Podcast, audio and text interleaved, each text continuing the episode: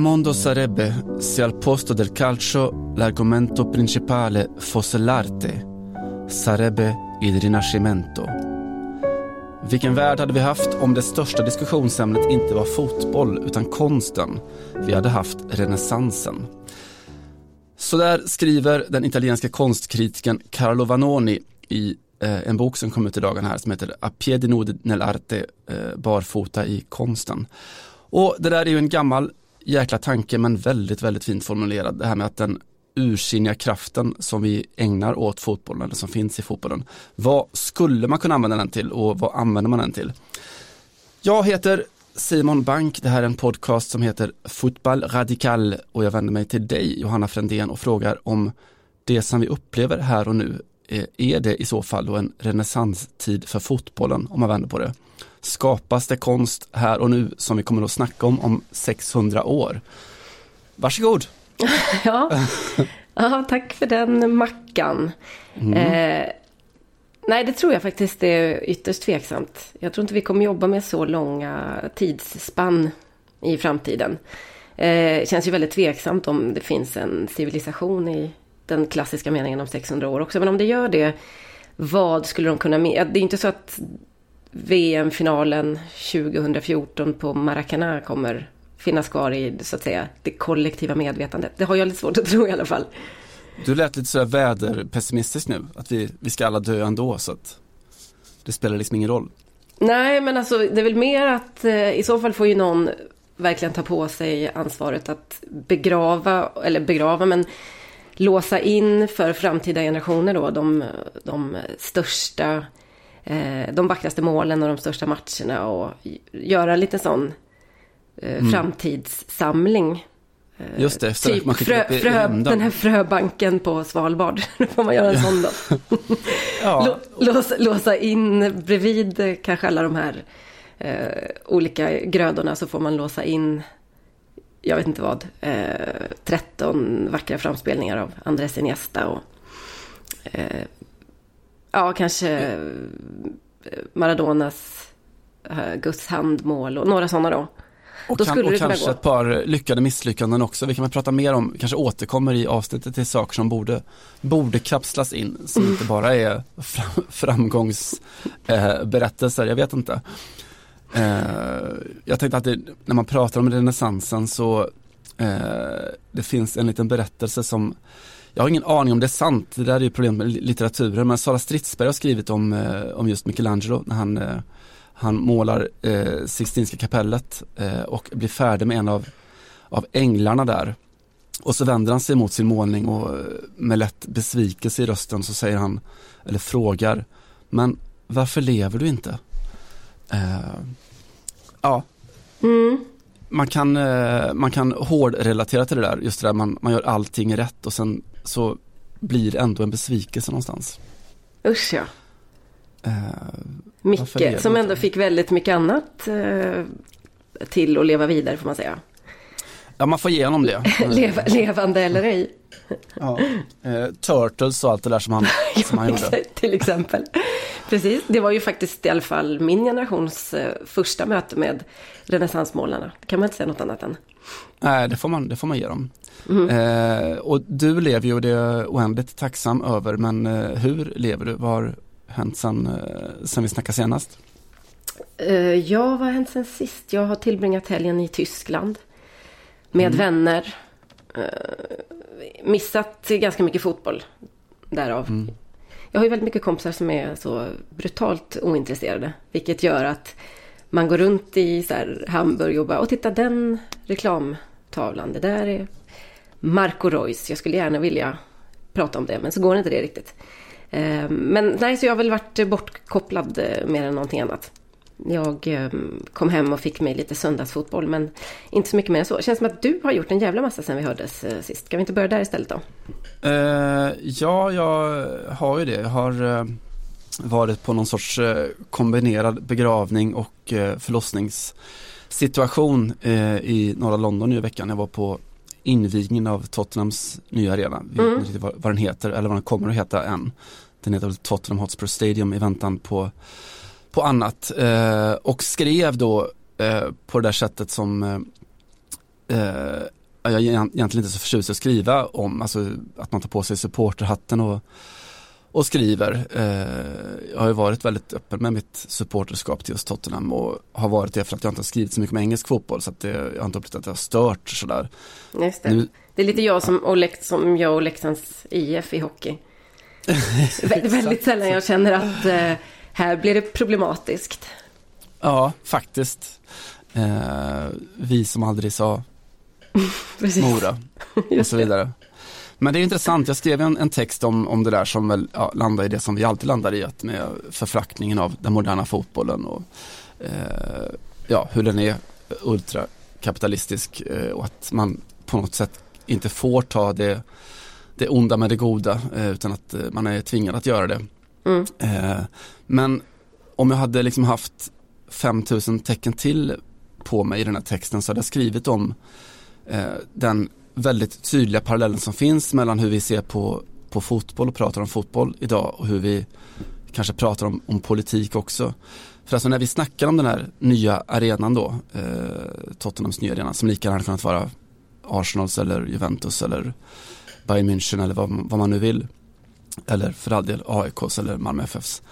Så man landar ju väldigt mycket i, när man pratar om det, om detaljerna liksom. Att du, man pratar om eh, kulturen och nostalgin, man pratar om små bidebatter, liksom hur, hur känns det, hur är akustiken, hur, hur lyckas man eh, ta med sig saker från den gamla arenan. Mm. Eh, vi snackar om, i Tottenhams fall, om, om the, the cheese room eh, på nya arenan, ostrummet som de hade projekterat för att de skulle bygga ett en speciell liten VIP-restaurang där man bara serverade ost.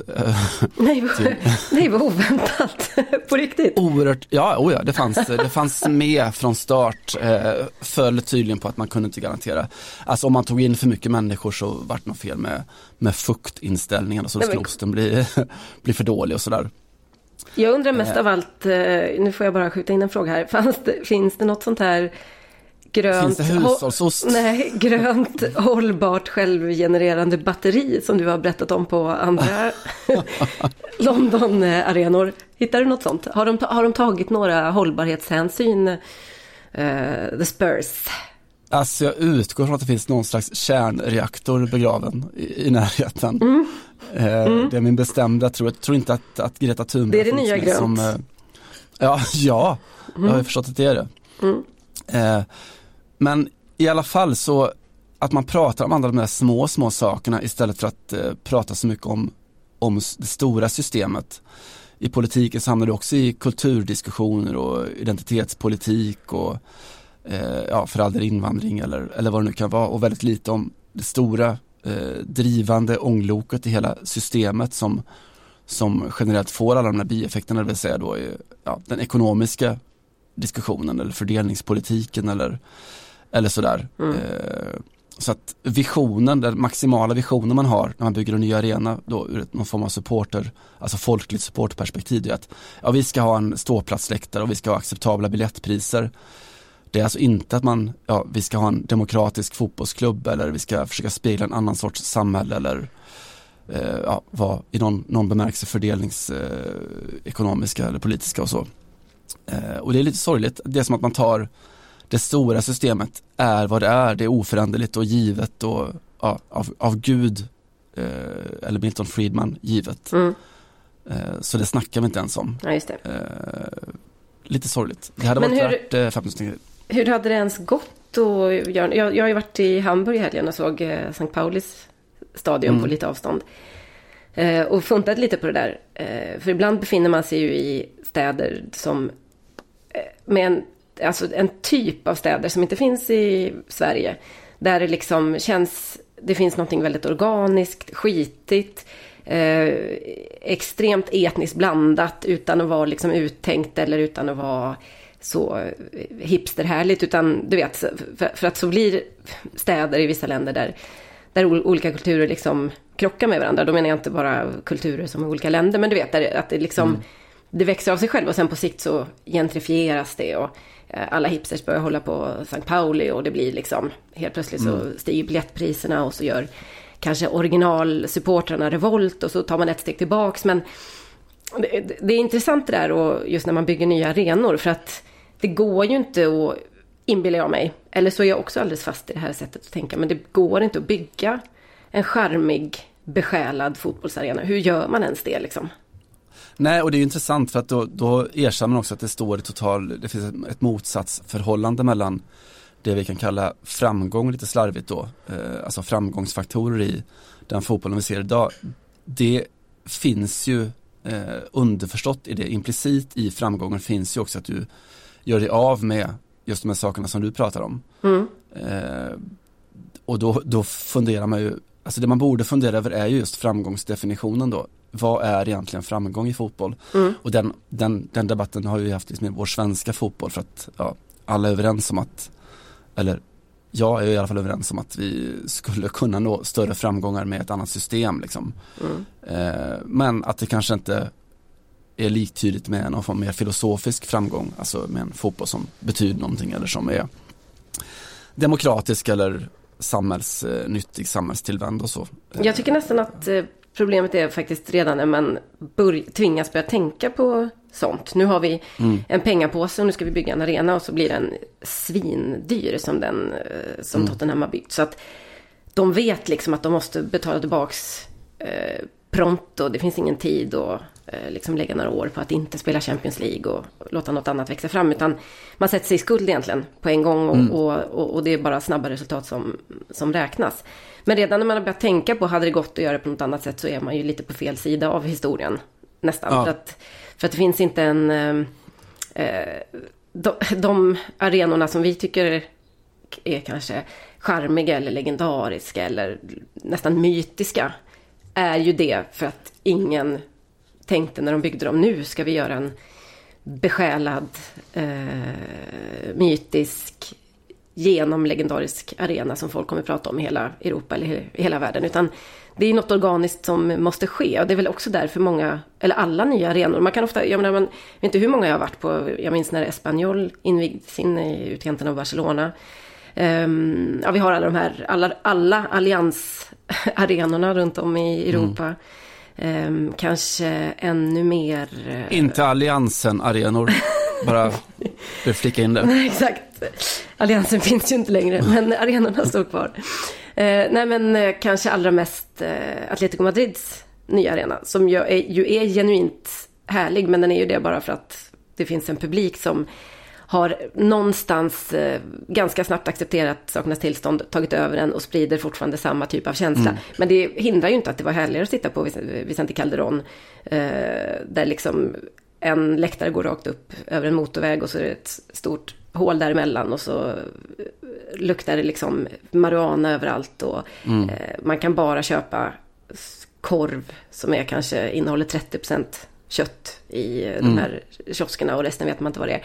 Alltså allt det här, det går inte, jag, någonstans känner jag att det går inte att återskapa det när man bygger nytt. Och då kanske det är lika bra att satsa på det helt andra då. Göra, försöka göra något lite mer futuristiskt eller göra det, förstår du? Nytt, ja, absolut. nytt och bra hellre än att försöka vara nostalgisk. För det, Nytt och dåligt. Ja. ja, lite så. Alltså betong är betong på något sätt. Och det tar ändå sin tid att, att växa in i en arena, både för lag och för supporter skulle jag vilja säga.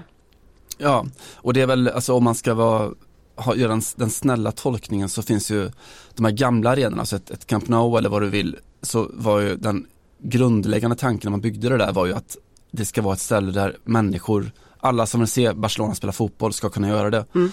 Alltså bygger det stort. Och lite så är det fortfarande, den grundtanken finns ju fortfarande kvar, även om det är utifrån andra incitament idag. Att ja, Tottenham behöver en större arena för att det är så många som vill se laget spela så då måste de kunna få plats. Det är ju i grunden demokratiskt. Sen så är det ju demokratiskt utifrån andra incitament och andra principer. Eh, det vill säga att så många som möjligt ska kunna se det för att vi ska kunna tjäna så mycket pengar som möjligt. Just det. Eh, och sen då vinna fotbollsmatcher. Eh, och de här hutlösa priserna för ja, både de dyraste biljetterna och säsongsbiljetterna. Då. Det är ju, det är ju en lite mer klassisk tradig debatt men den lurar ju där någonstans ändå hela tiden. Verkligen. Eh, jag såg ju också en annan eh, publikmatch och historisk match, eh, Sverige mot ditt Tyskland då i, eh, på, på, på Friends. Ja, absolut. Jag har inga invändningar faktiskt mot den beskrivningen. Eh, gute Freunde kan niemand trennen, gute Freunde sind ni allein. Vem sjöng så, vet du det? Eh, nej men det var väl hon, eh, luftballongerna kanske. jag vet inte.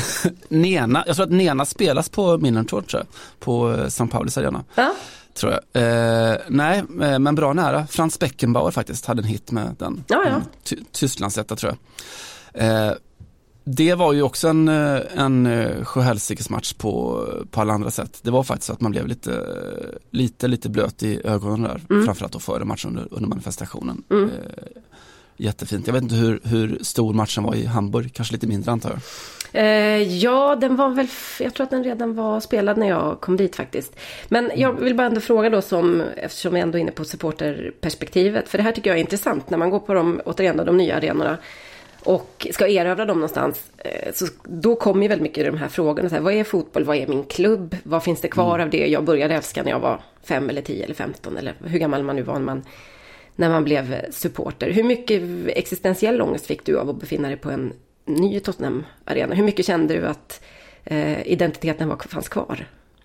Nej men det, alltså det, var, det var väldigt jobbigt. Alltså det, det jobbigaste och finaste var, alltså det finns ju, Tottenham är speciellt i det att att vägen till arenan går ju då genom den här High Road i, i eh, norra London som är evighetslång, alltså det är ungefär en, mellan 20-30 minuter beroende på fysisk stamina. Eh, en promenad från tunnelbanestationen Seven Sisters och bort till det som förut var White Hart Lane. Nya arenan ligger på precis samma ställe då. Eller ja, men en glidning på 100 meter eller 50 meter eller vad det kan vara. Mm. Eh, och den promenaden var katarsisk i det att det var, det var, den var precis som den alltid var då genom ett otroligt nedgånget, eh, nedgången del av London med stor, stor fattigdom, eh, utslagning, eh, hela världen ryms liksom. Det är kanske, man stöter nog på butiker med 50, 60, 70 olika nationaliteter. Liksom. Det är bulgarisk restaurang vägg i vägg med någon pakistansk kemtvätt och sådär. Mm.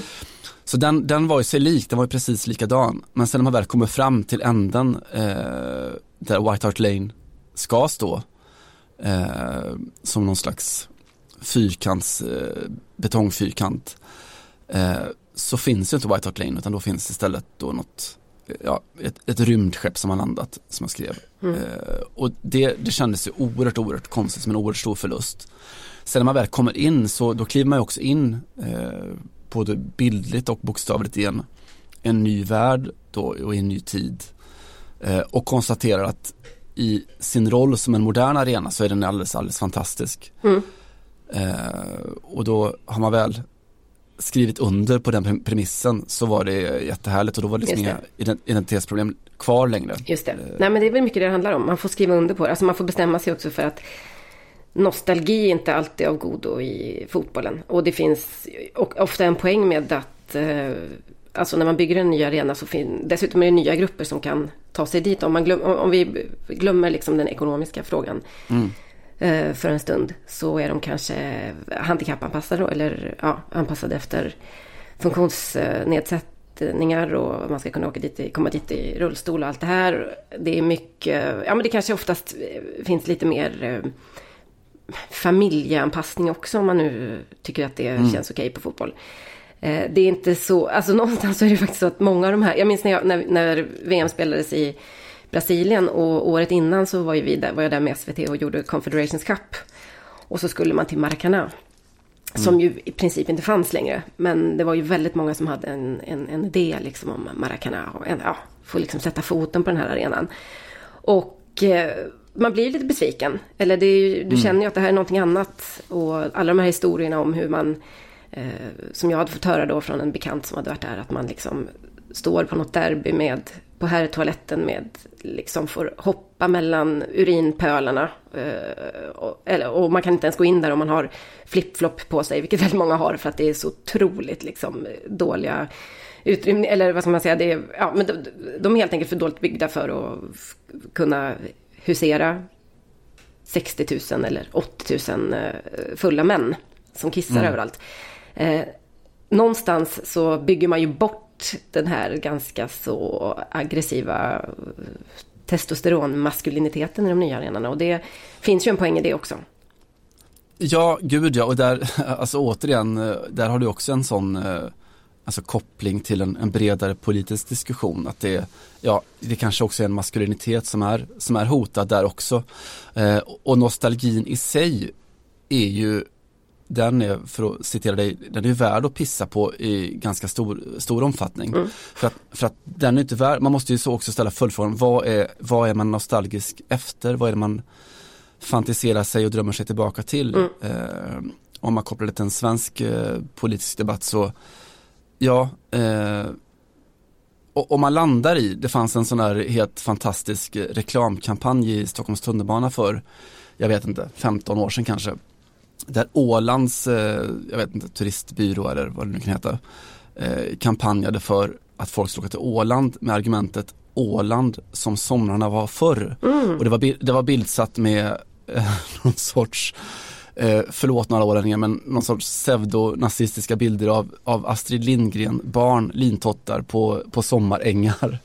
Eh, som landade ganska illa i, i, i, i samtiden kan man tycka, för att det var det var som ja. att de, Mattias Karlsson hade varit copy till den där antagligen. Det var exakt så det var. Mm. Eh, det är kanske det han ska ägna sig åt nu på det nya jobbet. Det kan lätt vara det. Mm. Eh, och jag vet inte, Asterix, Asterisk, eh, min tolkning då mm. såklart. Det var nog, var nog inte så man hade tänkt. Eh, men om man istället är nostalgisk efter en tid som var, jag vet inte, mer eh, jämställd eller eh, demokratisk eller eh, ja, välfärdssamhälle eller vad man nu vill. Så fine då. Eh, och på samma sätt inom fotbollen. Eh, om man är nostalgisk efter en tid när, när de här, den här fulla pissande mansarmén ägde läktarna och ja, och vad det nu kan vara så, så är det kanske ingen nostalgi att sträva efter. Om man är nostalgisk efter en tid när fotbollen var någonstans till för alla och mycket närmare och lite mindre och hanterbar så, så skriver jag under på nostalgin i så fall. Ja, men alltså jag tycker att det är, det är helt okej att vara nostalgisk. Jag tycker det är ett väldigt mänskligt drag och fotbollen behöver lite nostalgi. Men man, kan, man ska ha klart för sig vad det är man saknar och vilka som i alla fall inte saknar den tiden. Och det här är också mm. en evig debatt. Varför det är så tråkig inramning på Camp Nou till exempel eller, och så vidare. Mm. Ja, det är ju för att eh, det, det, har varit en familjearena i alla år och eh, det finns inget historiskt med det, snarare tvärtom. Det är liksom eh, samma tanter som nu är 80 år och går på familjebiljetten där var där när de var 25 och de har alltid varit mm. välkomna och det gör att det inte är en galen liksom eh, skrik och kissfest. Men det finns eh, ett annat skäl till att eh, FC Barcelona har en sån unik ställning i, i sin stad och i sin region och det är en av anledningarna. Exakt så. Ack och ändå, varför är den goda dum, varför är den kloka ond, varför är allt en trasa? Mm. Eh, Gud vilken som... präktig inledning på den här. Låt oss råda bot och bättre. Ja, kan du krydda till det lite grann? Jag vet inte. Slagsmålsklubbens första regel är att man inte snackar om Slagsmålsklubben. Har det hänt något kul eller? Uh, Vad varit roligast sen senast? Nej men du, kan, du, du får väl berätta lite om eh, Sverige-Tyskland också när du ändå är. Det har ju bara hänt saker i ditt liv, fotbollsrelaterat i alla fall. Så att jag så låter dig hålla den här podden så får jag, kommer jag med lite så här sura instick om att du har fel. Ska vi säga så? Ja, det är en, det är en bra rollfördelning. Jag skriver under på den. Jag mm. pratar och du du var, lite, du var lite blöt i ögonen sa du. Och då vill jag genast säga att eh, så kände nog väldigt många och jag betraktade på lite håll och tänkte åh nu skrivs historia. Sen blev jag lite sur över de 7000 människor som hade biljett och bara sket igår på den här matchen. Mm. Vad är det för jävla stolpskott, eh, om ni ursäktar eh, uttrycket? Varför ska vi hålla på och vara så himla tacksam över att folk släpar sig iväg på en match eh, där ändå en av fem eller vad det kan vara inte går dit trots att man har en biljett. Nej, och det fanns ju någonting så här halvt bakåtsträvande. Jag var lite också en begynnande allergi mot just den här tacksamhets kulterna så att det var eh, det var ju en, eh, någonstans lika mycket manifestation som det var match och så men mm. jag tänkte lite att ja, men det, det, är ju här vi är nu, vi är framme vid det här, det är liksom inget det är klart att det är ett stort steg men, men eh, det är där som, som damernas fotboll befinner sig nu, att man kan fylla arenor, punkt slut. Mm. Och var, varför skulle man inte kunna göra det? det? Det man gjorde tyckte jag att man hanterade det där väldigt snyggt och bra någonstans. Att det var inte, alltså det här, det som hände före matchen är att då de här förebilderna som eh, landslagsspelarna lyft fram då, kvinnliga förebilder, eh, kommer ju in då en stor grupp, ett dussin eller så, eh, kommer in före matchen och finns med under nationalsången, håller upp flaggorna och sådär. Mm. Tove Styrke, Linnea Claesson, Renata Slumska och Happy Lovesan heter hon efter tiden, Tina Nordlund, vet nog fler vem det är, Victoria Svensson, Lotta Schelin och så vidare. Och det, man gjorde liksom ingen jättestor sak av det, de bara fanns där mm. eh, för att se på ett ögonblick då när 25 000 människor faktiskt fyllde nationalarenan för att se på, på när landslaget spelade fotboll. Eh, och så var det inte mer med det och det tyckte jag var det var jäkligt snyggt, mm. snyggt, snyggt hanterat. Mm. Helt riktigt. Nej, jag störde mig också lite grann på alla eh, på sociala medier som la upp, jä- ganska många män då som la upp jävligt nöjda selfies när, med biljetten mm. och liksom nu ska man på damfotboll. För det är precis ja. lika bra som herrfotboll. Jag känner bara så här, men mm. sluta skryt om att du är en pappafeminist liksom. Gå, gå på matchen och ja. håll käften. ja, det, är, det är vårt, eh, vårt budskap till egentligen alla eh, fotbollsintresserade världen över. Ja, lite så. Men utöver det var det ju fantastiskt såklart. Jag kanske mest är sur för att jag inte var där, jag vet inte. Kanske där vi landar. Ja, ja. ja, ja. som så ofta. Ja, exakt så. Men du var ju i Hamburg. Ja. Jag Vad har Hamburg gett fotbollsvärlden? Uh, ja men uh, alltså ganska så uh, mycket fint. Till exempel har Hamburg gett oss ett par säsonger av Erik Maxim Choupo-Moting. Mm. det är några år sedan han spelade där.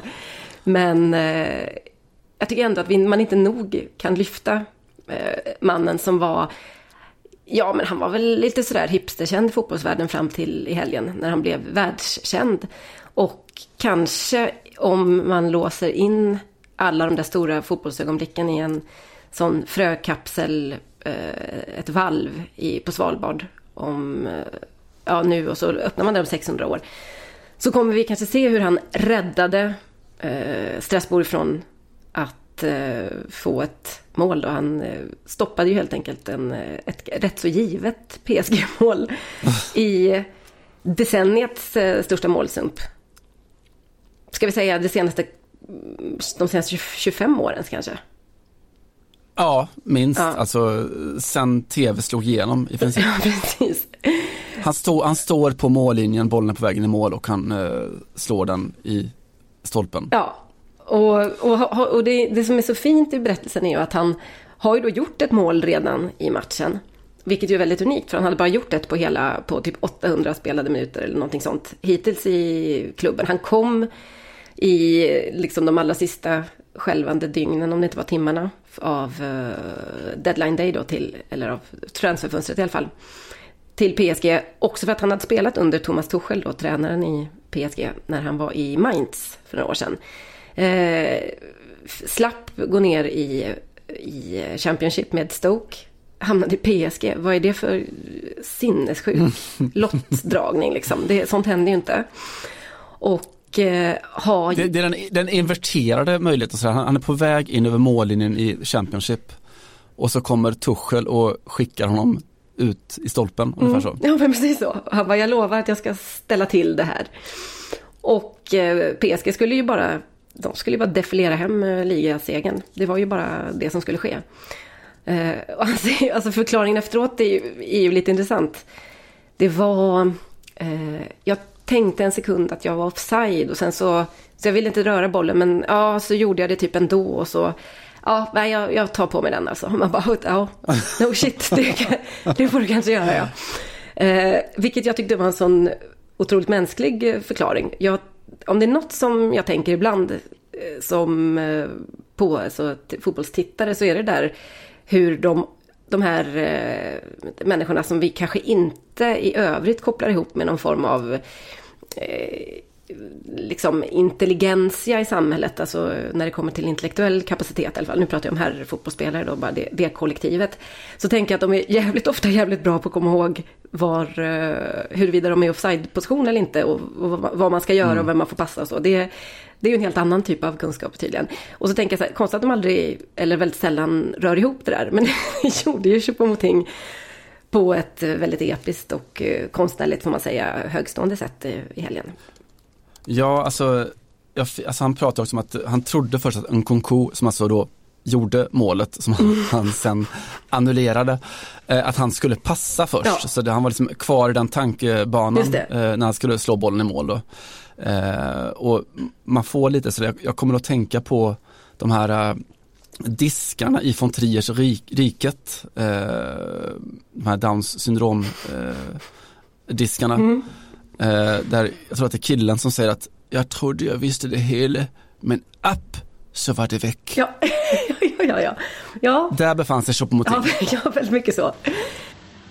Det är ohyggligt. Ja, verkligen. Uh, ja, nej, men det, var, det var det han inte kanske heller förstod att han gjorde var ju att han gav liv och blod och mening till PSG som klubb, kanske till den franska ligan och i ett större perspektiv till den moderna internationella herrfotbollen när han gjorde det här. För att eh, PSG är ju hela tiden en, eh, en och en halv sådär millimeter från att bli en totalt outhärdlig klubb av 15 anledningar som ni redan kan. Vi behöver inte ens gå in på dem. Eh, och det som lite grann har räddat dem i år är ju faktiskt den här värvningen av eh, Choupo-Moting. Eh, det var en bekant som ville ha en Choupo-Moting-tröja i PSGs shop då här tidigare i höstas. Och berättade att de hade blivit helt ställda i de här som klistrar på eller man, man säger så här, den här tröjan, det här numret och så Choupo-Moting. Och fick liksom inte plats med namn. De hade inte behövt göra den någon gång helt enkelt. Det var så himla konstig eh, beställning. För att han är en sån apart typ i det här laget. Eh, och detta har ju gjort att eh, supportrarna har, älskar honom såklart. Det finns utanför arenan kan det låta så här till exempel. Och det här är tidigare i höstas i Paris.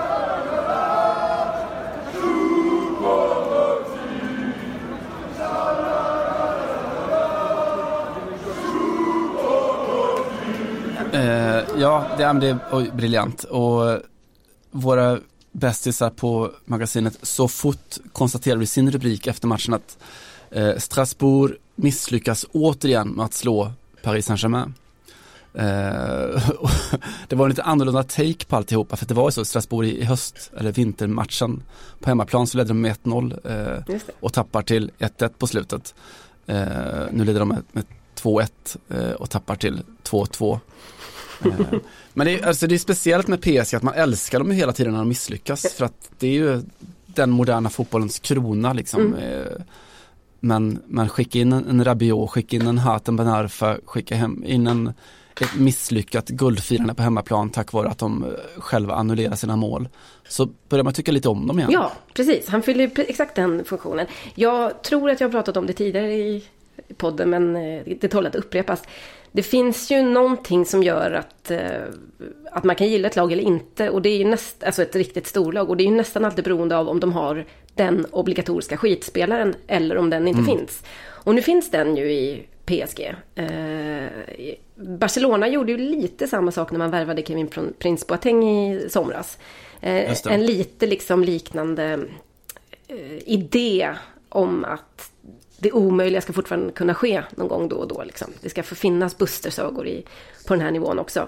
Eh, Choupo-Moting har ju fått spela ganska så mycket. Han har ju eh, bränt eh, en hel del. Alltså det är verkligen ingen Cavani. Men han har hoppat in en del och gjort någon match från start och sådär också under eh, sin säsong i PSG. Men det här var ju verkligen att kröna hela sin existens och eh, någonstans ge mening åt transfern. Jag, jag tyckte han gjorde PSG en enorm tjänst eh, i helgen faktiskt. Kanske han kanske gjorde mer för klubbens, um, vad ska man säga, klubbens uh, identitet eller rykte mm. än vad Neymar har lyckats med på dubbelt så lång tid eller vad det är. Två, ja, Gud, två hela säsonger. Ja, men P ja, ska man sammanfatta PSGs hela, hela sagas de senaste under Qatar-åren så är det att allting som de gör rätt gör de på helt fel sätt. Det här var ju att de gjorde fel på precis rätt exakt sätt så. för en gångs skull. Ja, exakt. Och eh, ja, men, eh, vi, det är ju därför vi älskar Adil Rami så mycket. För att han är franska landslagets obligatoriska skitspelare och har varit... Eh, mm. Ja, han åkte in och ut ur landslaget under ganska många år. Men eh, att han är den goa gubben. Men inte bara på mm. ett eh, liksom poserande sätt utan att han verkligen är det. Omdömet om, eh, om Choupo-Moting är ju exakt samma. Alla säger att han är så han är rolig, han är generös, han är liksom eh, en sån stämningshöjare och eh, du vet en sån där som alltid ställer upp såklart och pratar i media om någon, nu skulle av någon anledning skulle vilja prata med honom. Um, en, um, en stämningshöjare. Barcelona hade ju detta i eh, Pinto, José mm, mm. Manuel hette han så, Pinto. Mm, Hur kan jag glömma det? Ja, precis tidigare. Som liksom hade sitt långa flätade hår och mest gjorde någon form av andalusisk eh, hiphop-karriär vid sidan av. Bästa polare med Messi såklart. På grund av, mm. ja, det, det, finns ju så att säga bara tusen mil som skiljer dem åt. Så det är klart att de kan vara kompisar och så vidare. Um, har du någon sån här annan favoritskitspelare genom eh, tiderna? Alltså egentligen alla sorters eh, andra målvakter är ju, är ju lite ja, samma. Ja, exakt. Men det, och där är det ju alltid lite deras uppgift någonstans. Ja, exakt så. De ska vara de, den roliga killen som är lite för dålig för att, för att få spela men ändå, ändå förtjänar sin plats eh, och som är så oerhört, oerhört viktig. Mm. Uh, och jag tror jag sagt det förut att de är också den, den inverterade första målvakten. Första målvakten ska vara halvpsykopat och egoist och uh, lite övermänniska. Uh, sådär. Mm. Medan andra målvakten ska vara altruist, laglojal, god gubbe typ. Eh, och, och aldrig någonsin spela. Nej. Och det är inte så, så konstigt att kanske, nej, ja förlåt. Mm, nej, jag vill bara dra en lans för målvakt nummer två. Målvakt nummer två.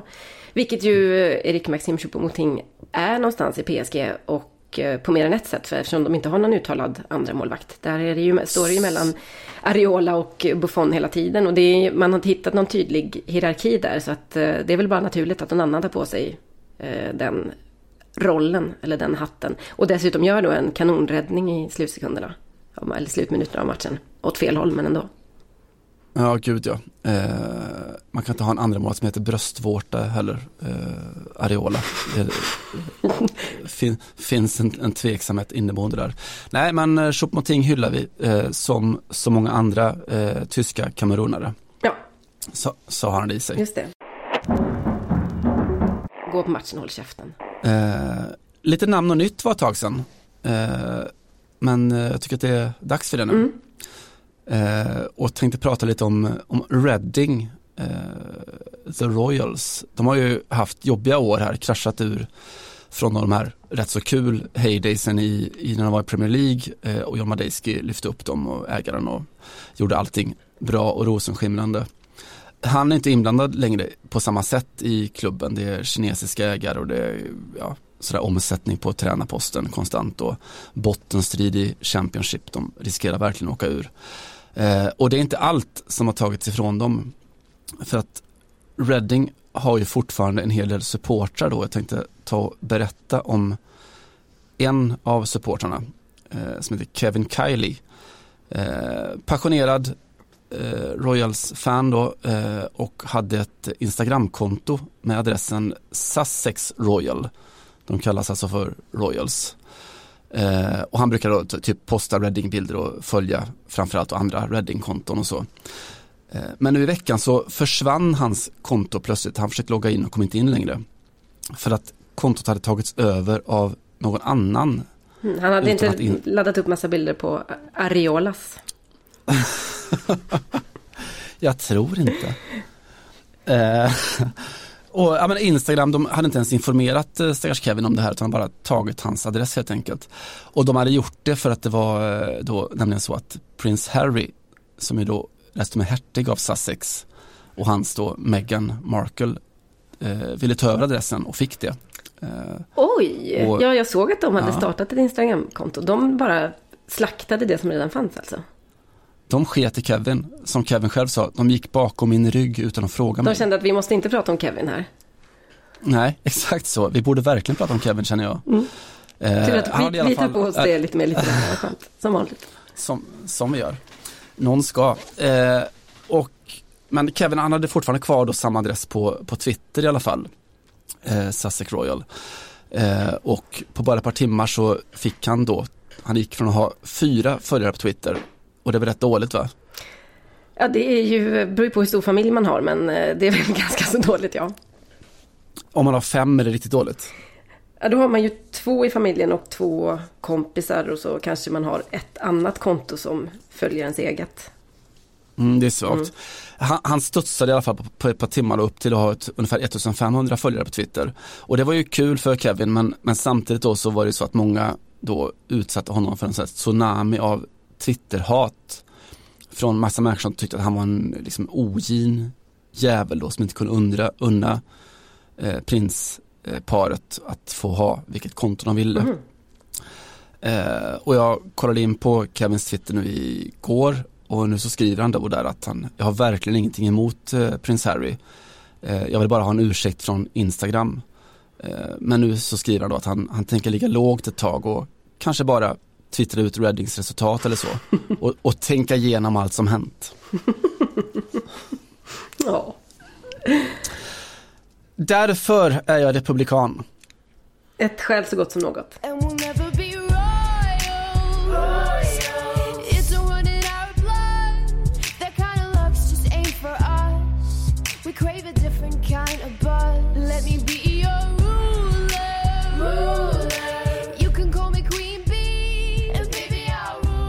Vi har eh, precis nåtts av eh, detta, eh, ska man säga, meddelande eller i alla fall kunskapen om att tröjan som sponsras av Nike, som de ju kallas i USA. Vi kallar dem oftast Nike i Europa.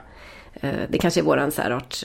Hur som helst så är det i alla fall sommarens VM-tröja då till dam-VM som ska gå i Frankrike. 14 lag är kvalificerade 7 juni till 7 juli ska den här eh, turneringen äga rum. Det känner ni till. Och eh, Nike E har eh, lanserat tröjan för första gången anpassad efter kvinnor som spelar fotboll. Eh, det låter helt eh, barockt. Jag var tvungen att läsa samma mening tre gånger. Men det är så här första gången man har tagit då eh, massa kvinnliga spelare och gjort en så kallad 4D eh, body scanning.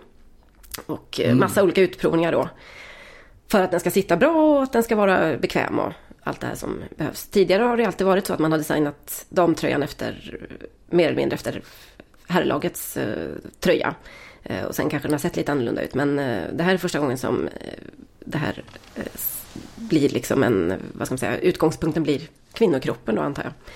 Man får säga. Och det här har på många håll slagit... Areolan. Areolan på plats, exakt. uh, just så.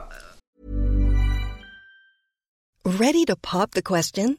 The jewelers at BlueNile.com have got sparkle down to a science with beautiful lab-grown diamonds worthy of your most brilliant moments. Their lab grown diamonds are independently graded and guaranteed identical to natural diamonds, and they're ready to ship to your door. Go to Bluenile.com and use promo code LISTEN to get $50 off your purchase of $500 or more. That's code LISTEN at Bluenile.com for $50 off. Bluenile.com code LISTEN. Det är i alla fall så att eh, den här eh, tröjan har, i, framförallt i länder som inte är så gubbiga när det kommer till fotboll, eh, gjort eh, stor succé. För då har den ju också då lanserats i en herrversion. Alltså damtröjan är utgångspunkt och sen så har man gjort någon form av herrtröja. Möjligtvis med lite plats för areola eller inte, jag vet inte. Eh, mm. konstaterar i alla fall att eh, den tröjan, den australiska upplagan, herrupplagan av damtröjan om ni hänger med. Det är inte så svårt att hänga med förutom att det här är att tänka allting tvärtom då, hela historien. Den eh, har redan eh, sålt slut, den tog bara några timmar så sålde den slut och peppen är stor down under uppenbarligen. Eh, The Matildas kallas de tror jag. Just det. Det är väldigt fint. Mm. Det är The Socceroos heter ju killarna mm. för övrigt. Men Nike säger i alla fall att de tror på ett rejält paradigmskifte, tipping point. Som ju är dåligt i alla sammanhang som har att göra med eh, den globala uppvärmningen men som ju alltid är bra när det handlar om eh, kvinnokampen. Eh, de konstaterade för några år sedan att den här, det här världsmästerskapet kommer bli någonting utöver vad vi har sett tidigare. Man kan väl säga att de någonstans förekom den här gigantiska publikansamlingen som vi har sett. Ja, vi såg den mellan Sverige och Tyskland och vi har ju pratat om matchen på Juventus stadion mellan Juventus och eh, Fiorentina var det va? Som drog över mm. 60 000 människor. Och vi har ju flera exempel ifrån den spanska ligan också. Atletico Madrid mot Barcelona är det väl som har rekordet där. Det, överhuvudtaget har de rekordet. Nej, jag tror att det var 40 000 ungefär på eh, Juventus-matchen och 68 000 eller någonting sånt där. Just det. Ja, 60 i alla fall drygt på, på eh, Wanda. Wanda mm. Metropol Metropolitano. Precis. Uh, ännu ett skäl att tycka mycket om den arenan såklart. Um, jag har inte så mycket mer att säga om det här annat än att det är i vanlig ordning sponsorerna som bär damfotbollen framåt, eller damidrotten. Eh, Nike har ju mm. gjort flera och jag menar man, med, alltid med reservationen för att det finns eh, ekonomiska incitament. Så är det ju så att det är faktiskt sponsorerna just nu som är mest eh, på tå. Eh, Fifa och Uefa och diverse nationella förbund är, ju alltid två steg efter när det kommer till eh, att känna vart vindarna blåser. Men det, är, det, här är inte det enda som har hänt då, utan det som har hänt den senaste tiden är ju bland annat att den engelska damligan, alltså dam Premier League, har skårat ett jättesamarbete med Barclay Bank. Just det, det största någonsin i Storbritannien va? Precis. Eh, värt 10 miljoner pund då, så 130 miljoner kanske eh, svenska coronas. Eh, ja, Barclays, mitt i Brexit-tider och allt annat när mycket borde hänga lite löst på bankfronten. eh, följ mig för fler eh, makroekonomiska analyser och så vidare. Så har de ändå insett att eh, det här gäller att vara först på bollen helt enkelt. Eh, jag vet inte, jag tycker det är intressant. Jag pratade med Nilla Fischer för ett tag sedan inför eh, Champions League. Wolfsburg skulle möta Lyon då. De blev ju utslagna över två möten. Och frågade henne om hon hade känt tidigare att det hade hänt så mycket samtidigt på klubbnivå framförallt på damfotbollen. Och hon sa att med, risk för att inte ha liksom hela bilden så känns det som att det, det som händer de, nu de senaste två, tre åren är ju, det har vi aldrig sett tidigare, i alla fall inte under vår livstid. Och att det på något sätt är, vi är på väg att nå en, en ny nivå på alla fronter. Jag tycker att man märker det i Frankrike till exempel, där fotbollen inte, damfotbollen inte är speciellt följd så finns det ändå mm. ett eh, rejält sug nu. Och man kollar med olika barer och restauranger som hoppas liksom på mycket tillströmning i sommar när de ska visa matcherna och så. så att det är ju alldeles uppenbart att någonting händer och det är ju någonstans väldigt logiskt men samtidigt lite trist att det är någonstans eh, de kapitalistiska intressena som förekommer den här utvecklingen. Inte för att det är något fel i det, så ser spelreglerna ut. Men jag tycker att det blir extra tydligt när de som egentligen bara är intresserade av att tjäna pengar på mm. var man syns blir eh, vägvisare. Och när de som borde driva frågan lite mer ideologiskt av rättviseskäl, av demokratiska skäl, är så långt efter och bara står med stora ögon och åh oh, fan, kunde man få så många till en match? Åh oh, fan, kunde man eh, få till en sån jätteekonomisk deal. Alltså det, det, det gäller ju media också liksom. Vi, vi är ju någonstans mittemellan kanske var Uefa, Fifa och eh, de lokala förbunden befinner sig. Och var eh, tröjsponsorerna till exempel då befinner sig. Ehm, dåligt underbetyg till alla utom ehm, de amerikanska sportmärkena. Och eh, de brittiska bankerna då, konstigt nog. politik är att tjäna pengar, som Palme alltid sa. Eh, nej, jag håller med och det är det, det argumentet som man har, har eh, sådär, haft i väldigt många år. Sådär, varför kommer kvinnors fotboll att bli enorm? Eh, och det är ju, ja det finns jättemånga argument men det stora bärande argumentet är att för, att för att man har inte råd att låta bli. Att det, det, det, finns en hel kundgrupp där, en slumrande kundgrupp som såklart väldigt många kommer vilja, vilja ha en, en del mm. av, en del av den kakan. Mm. Eh, så det, det, är klart att det, det, blir så, det måste bli så. Det släpptes också i förra veckan de här eh, France Football, eh, det franska veckomagasinet släppte ju sin lönelista. Där man då kunde se att ja, men Messi som drar loss liksom en och en halv miljard per år eller vad, vad det nu var. Och, och så fanns det också en lista för, för kvinnorna. Eh, det Hegerberg var ju etta och tjänade ungefär, jag tror det var fyra miljoner per år. Eh, och reaktionerna som kom var ju att eh, hur sjukt det där var liksom, att skillnaden var så stor förutsägbart då. Men jag kunde också tänka att, men ja, jag håller med såklart, som alla tänkande människor gör, men man tänker också att Ada Hegerberg tjänar 4 miljoner per år. Mm. Det gör ju inte, det gör ju inte du och jag så att säga. Nej, här, här, sliter vi för hälften. ja, men just Eh. precis min analys. Här drar man bara in hälften av det. LOL. Ja, ja. Nej, men och det, ja, jag fattar att det inte är den taken som man, man rimligen ska ta, men, men eh, i ett tioårsperspektiv så är det faktiskt någonting oerhört, ett oerhört steg som har tagits. Man måste också ta det, liksom inta det perspektivet för att inte bli dum i huvudet tror jag. Och känna att det går åt ett, bara åt ett håll faktiskt. Eh, Ja. och, i, och då i ljuset av det kan man ju vara lite förlåtande åt alla de här som är nöjda med att de ska gå på damfotboll och visar upp det överallt på sociala medier. Det betyder ju någonting i alla fall. Till exempel att det Mm. Ja. har ett nytt värde och att det ger likes och goodwill och, och allt vad man kan tänka sig. Och det är ju ändå någonting relativt nytt, vågar jag påstå. Som vi ska, jag tänkte faktiskt bara eh, försöka vara halv, halvsnabb in och dra. Du sa ändå bank och du sa Brexit och då tänkte jag Q, eh, Simon Bank för ett litet Brexit-segment.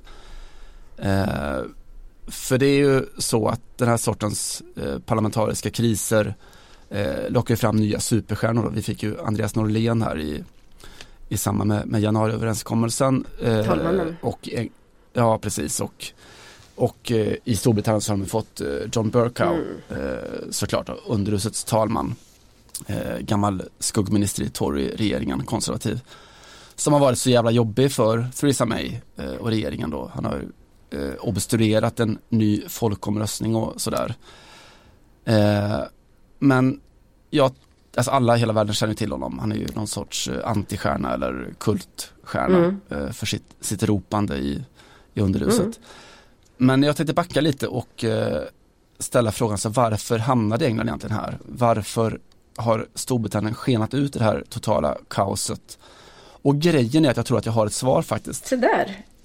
Mm. Det är, jag tror att om du verkligen har ett heltäckande svar så kan du snart vara uppe och tjäna Ada Hegerberg pengar på den analysen. För att det är väldigt många som har misslyckats eh, med att hitta ett svar har jag hört.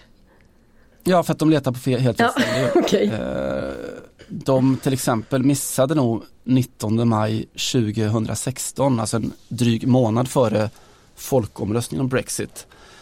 När eh, John Bercow då står i underhuset och vänder sig till ledaren för underhuset, eh, Tory-politikern Chris Grayling och säger, som man brukar då, order, eh, before the leader of the house responds, May I say to the former chair of the backbench business committee that I was cheering for Newcastle on Sunday and how magnificent it was to see them beat Tottenham 5-1, therefore ensuring that Arsenal finished above Tottenham on the last day of the season. Han eh, ägnade alltså tiden där i underhuset åt att eh, håna Tottenham då som hamnat efter Arsenal eh, återigen i ligan. Chris Grayling då, eh, gammal justitieminister, eh, också för Tories, svarar att Mr Speaker, I think you have just made yourself enormously popular with a large part of North London and enormously unpopular with another part of North London. But I suspect you knew that anyway. Grayling då alltså eh, är själv passionerad United-supporter. Eh, fick kritik då häromåret när han tog emot en massa VIP-biljetter från United. Eh, fick bland annat då två biljetter eh, värda ungefär 10 000 kronor. Eh, för att kunna se United slå Tottenham i fa Cup-semin 2018. Eh, och så talmannen själv då, ordermannen, eh, som då alldeles före folkomröstningen då eh, hånade Tottenham. Eh, alltså alla har ju hört då och haft kul åt det här med hans eh, eviga skrikande i underhus där de order, order. Eh, men han har ju ropat det där rätt många år nu liksom utan att slå igenom. Och han har inte bara gjort det i, eh, i underhuset, han har också gjort det eh, på annat håll. Och vi kan väl lyssna lite på när han blev intervjuad i Arsenals fan-tv för två år sedan. Då lät det så här. Let me tell you this show some respect in particular for the finest player in the Arsenal team at present, Which is? Alexis Sanchez. Sådär spot on herr talman. Eh, Alexis Sanchez är ju verkligen eh, helt grym eh, på piano och sånt. Hur som helst då, vad det som jag vill ha sagt, liksom, min, min slutkläm, min slutpoäng är att Ars, eller England försöker då få ordning på sin kris med en talman som håller på Arsenal och hånar Tottenham, med en premiärminister som älskar cricket och en oppositionsledare då, Corbyn, eh, som också dyrkar Arsenal. Trodde de på allvar att det skulle funka? Vi låter Där. den frågan hänga kvar i luften. Eh, ni kan väl gå in på podcast Radikal på Twitter och eh, säga vad ni tror om det här. Har Simon rätt? Har Simon fel? Jag noterade att eh, John Burkov, jag tror att han är en ganska stor idrottsentusiast. För häromdagen han hade haft ännu lite så tuff dag i förhandlingarna och fick någon fråga om det så sa han att han hade i alla fall noterat att eh, Roger Federer hade gjort en fantastisk match i vilken ATP-turnering det nu var. Eh, och att det fortfarande fanns små glädjeämnen i vardagen även om det rent politiska såg eh, lite snårigt ut just nu. Mm, är väl ett EU-medlemskap mot en rak backhand? Exakt. Men jag kan ändå uppskatta att, att, eh, att, man någonstans bereder plats för den här typen av eh, idrottsliga analyser också. Ja, eller nej. Eller nej. ja. Du, ger oss en profil på väg ut i veckan. På väg ut i veckan. Eh, hördu, jag hade tänkt då prata om en eh, tjej som vi eh, antagligen inte kommer få se i sommarens eh, fotbolls-VM. Förhoppningarna finns fortfarande. Eunate Araiza har eh, gjort ett par landskamper för Spanien. Men eh, framför allt så har hon spelat en massa säsonger i Athletic Bilbao då, eller Athletic Club som finsmakarna kallar det.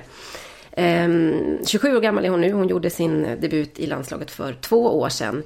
Och det som är lite speciellt med Eunate är att hon är hörselskadad, alltså i princip döv kan man säga. Och detta mm. upptäcktes när hon var två år gammal då föräldrarna märkte att hon inte reagerade på på liksom prat och, och ljud och så vidare. Eh, men hon, ja, hon fortsatte att spela fotboll som det inte fanns någon eh, morgondag. Hon fick ju hjälp då till slut med detta och eh, spelar nu sin fotboll eller lever hela sitt liv med eh, sån hearing aid en eh, liten, eh, vad kallar man det, en liten hörselapparat helt enkelt. Hörselapparat, precis. Hör, hörapparat. hörapparat heter det, precis. Som eh, knappt syns men som hon liksom, ja, ni vet hur de ser ut ungefär, sätter bakom örat. Och hon har fått ungefär 30% hörsel, säger hon själv då, tack vare detta. Eh, hon är, hon kan höra då publiken, hon har inga problem att, att höra alltså domarens vissla och så vidare. Men till exempel så hör hon inte, oftast inte då lagkamraterna, framförallt så hör hon inte när de pratar bakom henne, alltså som det ofta blir när man eh, spelar fotboll, om du har ryggen till så, så kan hon inte höra liksom, passa mig eller jag står här eller så vidare. Så att, eh, alltså hon spelar ju verkligen med ett eh, handikapp på alla, i alla liksom, hur man än definierar ordet på något sätt. Eh, men har ju som många som har eh, hörselnedsättning lärt sig att eh, läsa på läppar, lärt sig prata själv då genom att, eh, ja, man, man, man härmar, man, man eh, till perfektion lär sig liksom att förstå vad, ungefär hur, vad folk säger. Och på något sätt så, eller på, med väldigt mycket vilja och med envishet så har hon tagit sig hela vägen till eh, den absoluta toppfotbollen i Spanien. Krönte kanske karriären någonstans 2016 när Atletic Club vann damligan i Spanien. Sedan dess så har ju flera av de stora klubbarna kommit ikapp och eh, just nu är det mellan Barcelona och Atletico Madrid som slutstriden står i år. Som sagt, hon lär ju inte få komma med i, det ser inte ut så nu i alla fall, i eh, den här eh, VM-truppen och i så fall så blir det som någon form av bänkplats. Um, vänsterfotad försvarare, mycket populär i hemlandet eller i sin hemregion framför framförallt. Och Eh, säger själv att jag har fått slita tre gånger så mycket som alla andra men eh, jag hade bestämt mig och hennes föräldrar var, eh, såg också till att hon fick gå i, eller såg till, men de bestämde att hon skulle gå i vanlig skola och allt det här. Så hon har hela tiden vistats i en miljö där hon har fått anpassa sig efter att folk hör helt enkelt. Och hon säger själv att det har hjälpt henne på fotbollsplanen väldigt mycket jag har svårt att hitta en eh, mer eh, fotboll radikal-kompatibel eh, profil. I och med att Araisa är veckans enskilt största profil. Aupa. Får jag ställa en fråga, får jag ställa en fråga om henne? Mhm. Vet du vad Göteborgs publiken på ståplats sa när Renata råkade söla ut bollen över egen kortlinje? Nej, Hörna. Mm,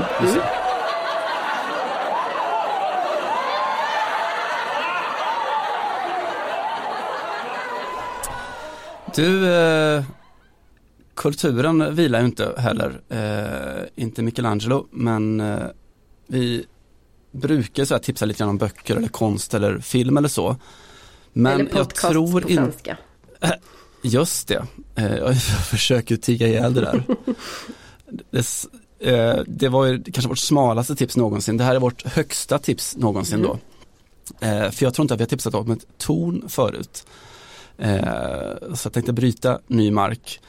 Eh, Det skulle varit någon, någon tysk ju- anfallare då i så fall. Just LOL. det, sant. Mm. Det här är ett eh, i bokstavlig bemärkelse ett torn som de har byggt i en klätterpark på Själland som heter Camp Adventure.